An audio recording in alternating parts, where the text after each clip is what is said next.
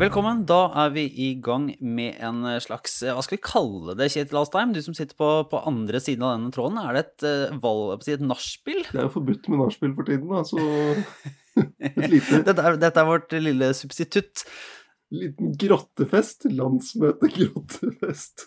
Den landsmøte-grottefesten etter Arbeiderpartiets landsmøte. Vi beklager til Rødt og MDG, som var egentlig først ute, men det er nå vi er i gang. Så, så, nå tenkte vi at vi skulle prøve å gjøre det til en liten tradisjon videre, i hvert fall, og oppsummere det som har skjedd på landsmøtene. De viktige landsmøtene fram til, eh, fram til sommeren. Og nå var det Arbeiderpartiet det første sånn, hva skal jeg si, heldigitale eh, landsmøtet som jeg har, eh, har, fulgt hele veien, du har også fulgt det, Kjetil. Hva skal vi si om gjennomføringa helt i starten her? Nei, de har, jo, de har, jo, kommet seg gjennom det. Det har vært litt sånn hakking med votering og sånne ting. Og, og de begynte jo her på, da de skulle starte landsmøtet på lørdag morgen, så de starter jo ofte med en sang, eh, og da var det Elinors vise. Den om at det skal bli eh, like fint å danse som å jobbe, og den kjørte de da to ganger for sikkerhets skyld. Så det var, det er minst én gang for mye etter min smak. Ja, ja det, er, det, er, jo Jeg har, har, all sympati med de som skal gjennomføre landsmøtene, for det er et utrolig komplekst eh, på en måte system å få, få satt på plass helt til vanlig når alle sitter i, i samme rom. og og da er det jo liksom flere bonuselementer ved å kunne møtes. Her er det jo åpenbart litt tyngre når folk sitter rundt omkring. Vi kan jo si, eh, vi snakka jo om, eh, om, denne bakgrunnen til Jonas Gahr Støre da han holdt uh, åpningen da, på torsdag, som var en sånn nasjonalromantisk strikka løsning, den har jo faktisk, har faktisk gått gjennom uh, hos de fleste talere som har hatt da, et bilde i et sånn slags strikkeformat liggende bak når de har snakka uh, som, som, bakgrunn, og gitt det en, en videre litt sånn rural, distriktspolitisk vri og tone gjennom hele greia. En tråd gjennom landsmøtet. Ja. Åpenbart. Ja, ja. Men eh, vi kan jo se, det har jo også selvfølgelig vært eh, stor, eh, stort Jeg vet ikke hvilken grad jeg skal kalle det politisk drama, men det har i hvert fall vært stor politisk temperatur. Og da særlig i dette, dette vedtaket om, om, rusreformen, der vi venta spent på hva, hva Jonas Gahr Støre skulle melde. Og han, han, gikk jo da ut på, på fredag og riktignok som vi spådde i, i Aftenpodden, sa at han ikke gikk inn for en avkriminalisering. Uh, og det var jo helt avgjørende, viste seg, for, for, hvilken vei landsmøtet skulle gå. Så de støtta hans linje, uh, vraket regjeringens rusreform. Og, og, det har jo da ført til også videre mye debatt, for det, det var vel et, var et klart flertall til slutt.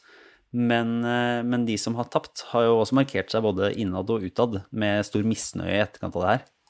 Ja, det, det, var en, eh, det var jo en av de sakene som hadde mest spenning knyttet til. Og, det, og så er jo spørsmålet hva hvor, eh, Hvorfor kom Støre først på banen så sent i debatten? Eh, fordi ja, Du spurte, jo, spurte ham jo på pressekonferansen etter landsmøtet eller avslutningspressekonferansen om når han hadde bestemt seg. og da Han hadde jo bestemt seg eh, da rusreformen kom fra regjeringen. og Det er jo en stund siden nå. Ja, og han, hadde jo til og med, han sa jo til og med i et oppfølgingsspørsmål der at han egentlig ikke hadde vært i nærheten av å ombestemme seg. Så, så han gir jo nå uttrykk for at han har hatt en ganske sånn fast posisjon på dette hele veien. Eh, og det er jo litt interessant, fordi jeg snakka også med noen som har, eh, som har sittet og som ville, ville ha igjennom mindretall og synd, altså som ville ha en avkriminalisering, som hadde, hadde, foretatt en telling, som de gjør på landsmøter når det er store, spennende saker. Så sitter jo de som er for og de som er imot, sitter jo på, på hver sin side, og så teller de hvem de har med på sitt lag, hvem som er usikre, hvordan ting ligger an, hvem de eventuelt bør kontakte for å overbevise. Eh, og, og dette var selvfølgelig én telling, og det kan være gjort andre tellinger, og, og med det som si, upresise muligheter der. Men, men eh, analysen der eh, fra en jeg snakket med, var at eh, før Jonas sin oppsummering så var tallene altså for en avkriminalisering så var det 120 delegater for, 73 som var usikre og, og drøyt 100 som var mot. Og etter etter Støre sin oppsummering, så eh, sank da altså antallet som var for en avkriminalisering til ca. 100. Det var bare ti usikre, og det var jo da 180 drøyt som, eh, som var på flertallets linje og støtta Jonas Gahr Støre, og det var jo omtrent akkurat det som var resultatet, der, der altså 188 stemte for å, å ikke avkriminalisere, mot et mindretall på 101, da, og det mindretallet var i praksis Oslo, Bergen og AUF og noen sånne slengere. Mm. Så, så den, hvis, hvis, man skal stole på de tallene og den tellinga, så er jo analysen at Jonas Gahr Støre eh, kom inn og avgjorde dette i landsmøtesalen i praksis, da han ga sin mening på fredag. Og så kommer de jo ut med et litt, altså de kommer jo ut med uavklart, en uavklart løsning.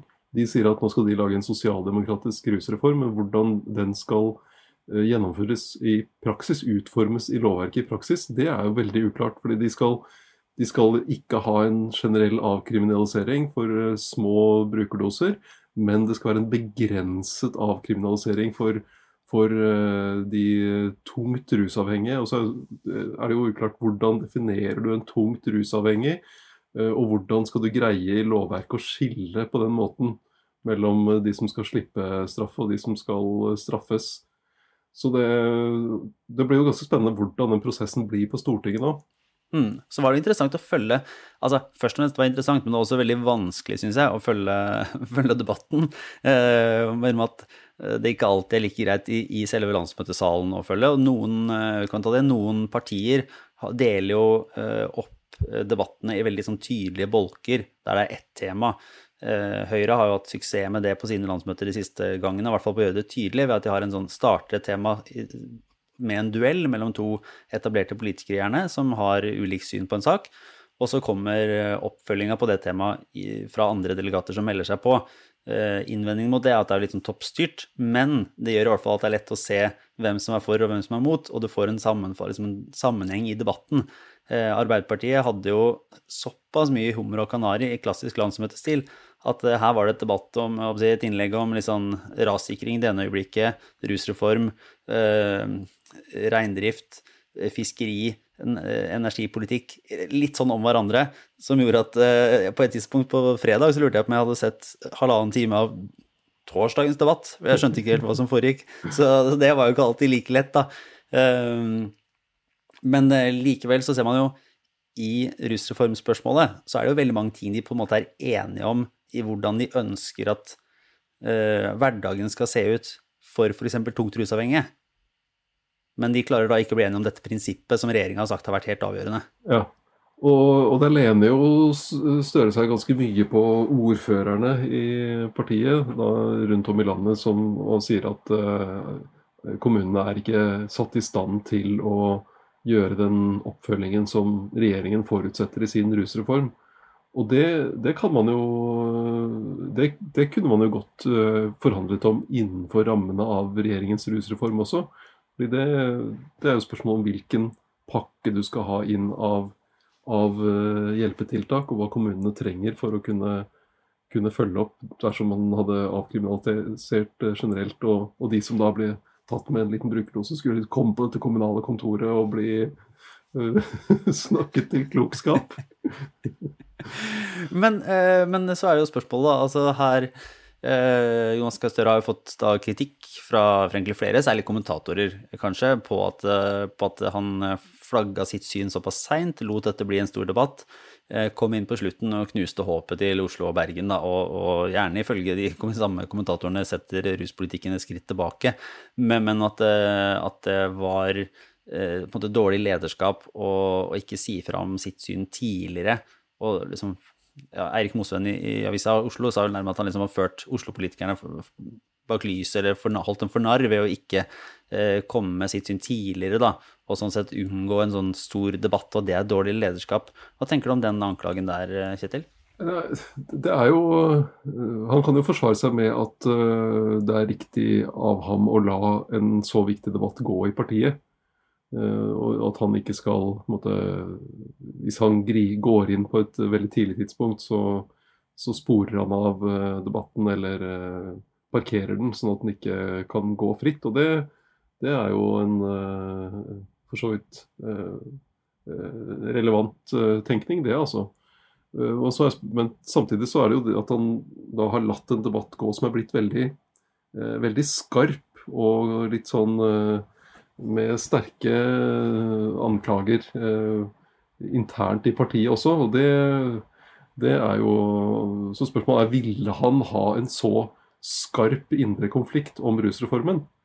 Eh, eller, eller, hva, eller hva kunne, han, kunne, han, da på et tidligere tidspunkt sagt at denne reformen er for dårlig forberedt, her mangler det mye på behandling, dette, er, dette, grunnlaget kan ikke Arbeiderpartiet forholde seg til, dette må utsettes og utredes bedre. Det kunne han jo sagt på et tidligere tidspunkt.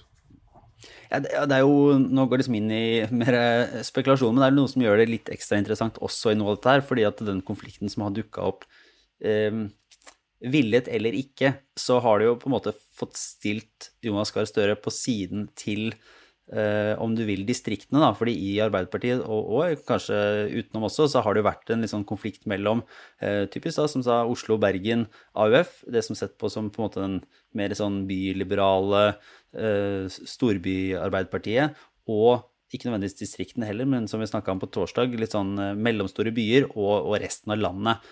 Og ved å eh, la dette spille seg ut, og så komme ned på sida til eh, det som nå i den litt sånn populære kulturelle analysen av debatten er liksom vanlige folks side der ute, så signaliserer han også at han tar avstand fra eh, fra disse bypolitikerne. Altså hvis, hvis, eh, planen til Arbeiderpartiet er å appellere til eh, vanlige folk ute i hele landet, så har han jo nå fått eh, Det har vist seg å være en konflikt der han tar tydelig side med de som er i hermetegn vanlige folk ute i landet. Og det kan jo at han ikke nødvendigvis taper på. Nei, det, det, er vanskelig å vite hvor, hvor mange som Altså, hvor, hvor, mange er det denne saken er veldig viktig for når de skal velge parti? Eh, det, eh, selv om eh, noen har vist til at det er målinger som viser flertall for rusreformen i Oslo f.eks., så, så betyr jo ikke det nødvendigvis at det er en veldig viktig sak for en, en sak som avgjør hvilket parti du vil stemme på. Så, så den, men den plasseringen altså, Problemet for, for Støre oppi dette her er at han fremstår som at han bare sier nei til en stor sosialpolitisk reform, og ikke som at han tar ledelsen i hvordan, hvordan det skal gjøres. fordi også Arbeiderpartiet sier jo fremdeles at de mener at det trengs en reform. Og de har vedtatt en lang uttalelse nå om, øh, om, det.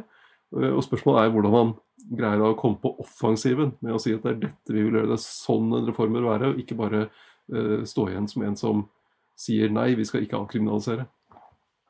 Ja, fordi Arbeiderpartiet prøver jo på en måte å selge dette som at det regjeringa har kommet med, er ikke egentlig en reform, det er et lovforslag. Vi derimot, eh, i dette programarbeidet, har kommet fram med skissen til en faktisk reform.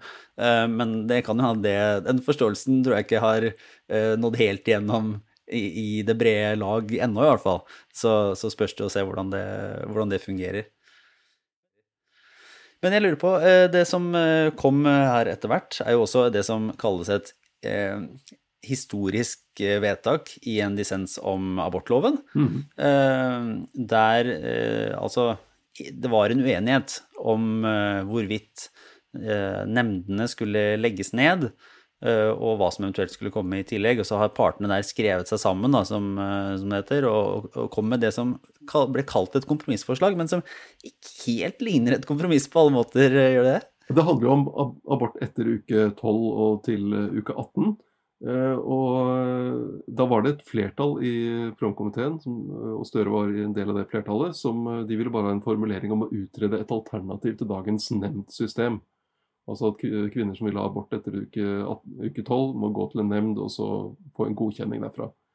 Og så hadde et mindretall som ville bare vedta at Arbeiderpartiet vil avvikle nemndsystemet. Og, og så sørge for et offentlig tilbud om samtale for kvinner som ønsker det. Eh, og så er eh, resultatet ligner helt klart mest på mindretallets eh, forslag. Forskjellen er at de har fått inn dette, de har tatt med dette utrede-ordet, men de har plassert det et annet sted.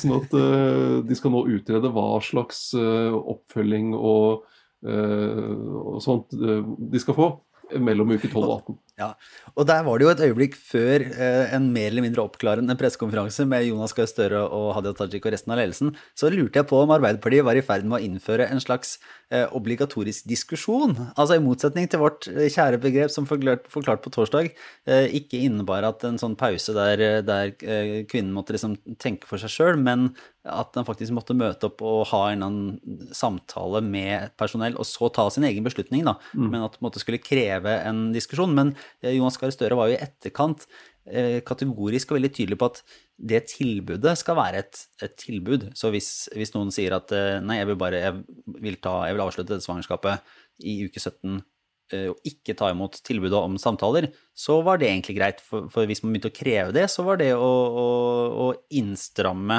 kvinnens valgfrihet igjen. Ja, og det, og men, da, det som var, ja. Jeg synes det var interessant at verken han, verken Støre eller Hadia Tajik greide å, å, svare liksom rett frem og si at nå er det selvbestemmelse frem til uke 18. For det er jo egentlig det uh, dette betyr. Og når det gjaldt denne, dette eh, tilbudet om, uh, om, rådgivning, så sa jo Støre, som du sier, at det, hvis det ikke er frivillig, så er det et skritt tilbake fra selvbestemmelse. Og vi har vedtatt at det skal være selvbestemmelse. Men dette skal jo utredes. Så det var, eh, det var, jo Jeg vet ikke hvor mange spørsmål de fikk om dette, men de slet med å, å, å svare enkelt på det. Og det, jeg tror det kanskje skyldes det at de har knadd så voldsomt på det kompromisset for å få til den formuleringen som gjorde at de kunne eh, stå samlet om det, at de ikke greier å snakke helt rett ut om det.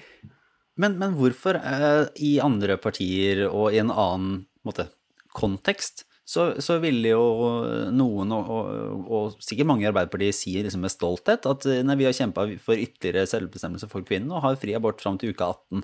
Hva er, hva er den politiske nedturen eller grunnen til at man ikke vil slå seg på brystet og, og, si at dette er en del av en, altså Kalle det en frigjøringskamp eller et steg videre, eller være sånn tydelig stolt og ja på, på, å si ja på at, er, at det er en liberalisering? Det, det, tror jeg henger sammen med at, eh, at, dette rett og slett er et ganske stort skritt for Arbeiderpartiet. Eh, hvis vi ser eh, fire år tilbake, da de hadde, de hadde den samme diskusjonen på landsmøtet da. Og da, da var Gro Harlem Brundtland, tidligere statsminister og partileder, rykket ut i bare noen få minutter før votering i et intervju i VG og advarte mot å fjerne nemndene. Og da vedtok de en formulering om at dagens uh, abortlov balanserer på en god måte hensynet til kvinnen på den ene siden og vernet om fosteret på den andre siden.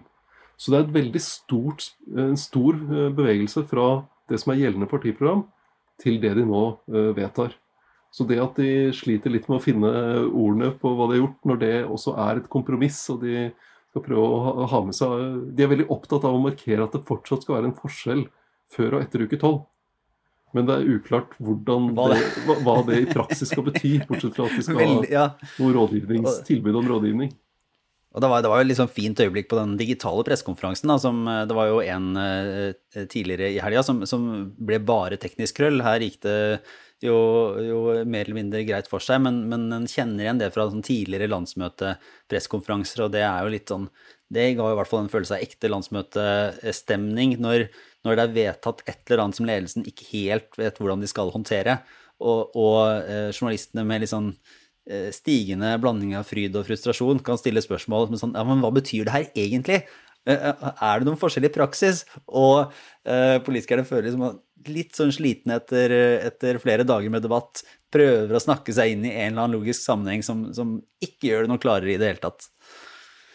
Eh, så det var jo et, var et, lite øyeblikk der. Men hvis en skal se overordna på det, på det hvordan er det Arbeiderpartiet går ut av dette landsmøtet? Vi sa jo på torsdag at de gikk inn i det med en form for optimisme og dytt. Er det noe som ja, har endra seg? Ja, de gjør jo det. Og de har fått på plass det partiprogrammet. Det har jo, vært, det har jo vært et relativt fredelig landsmøte, bortsett fra de to sakene vi har snakket om nå, som har vært litt sånn, var litt spenning knyttet rundt. Ellers har det jo ikke vært Eh, og abort ble det jo da, det jo da enighet om. Eh, så, eh, så de, de, jeg tror de har, har greid å spisse budskapet litt tydeligere på arbeid, velferd, klima. Og at Støre står altså, Den debatten man hadde om, om må, ha, må, partiet ha en ny leder, som det var litt diskusjon om i januar, da det var helt krisemålinger, den er jo helt borte nå. Uh, og så ser de en liten vekst på målingene som gir veldig optimisme. Men, men den, den, er liten, den er altså. den er liten. I hvert fall hvis du ser på gjennomsnittet, så var de jo på et slags bunnivå i januar på 20,4. Uh, eh, og så er de nå i april foreløpig på gjennomsnitt på 22,9. Så det er, men det er, trenden er opp, da.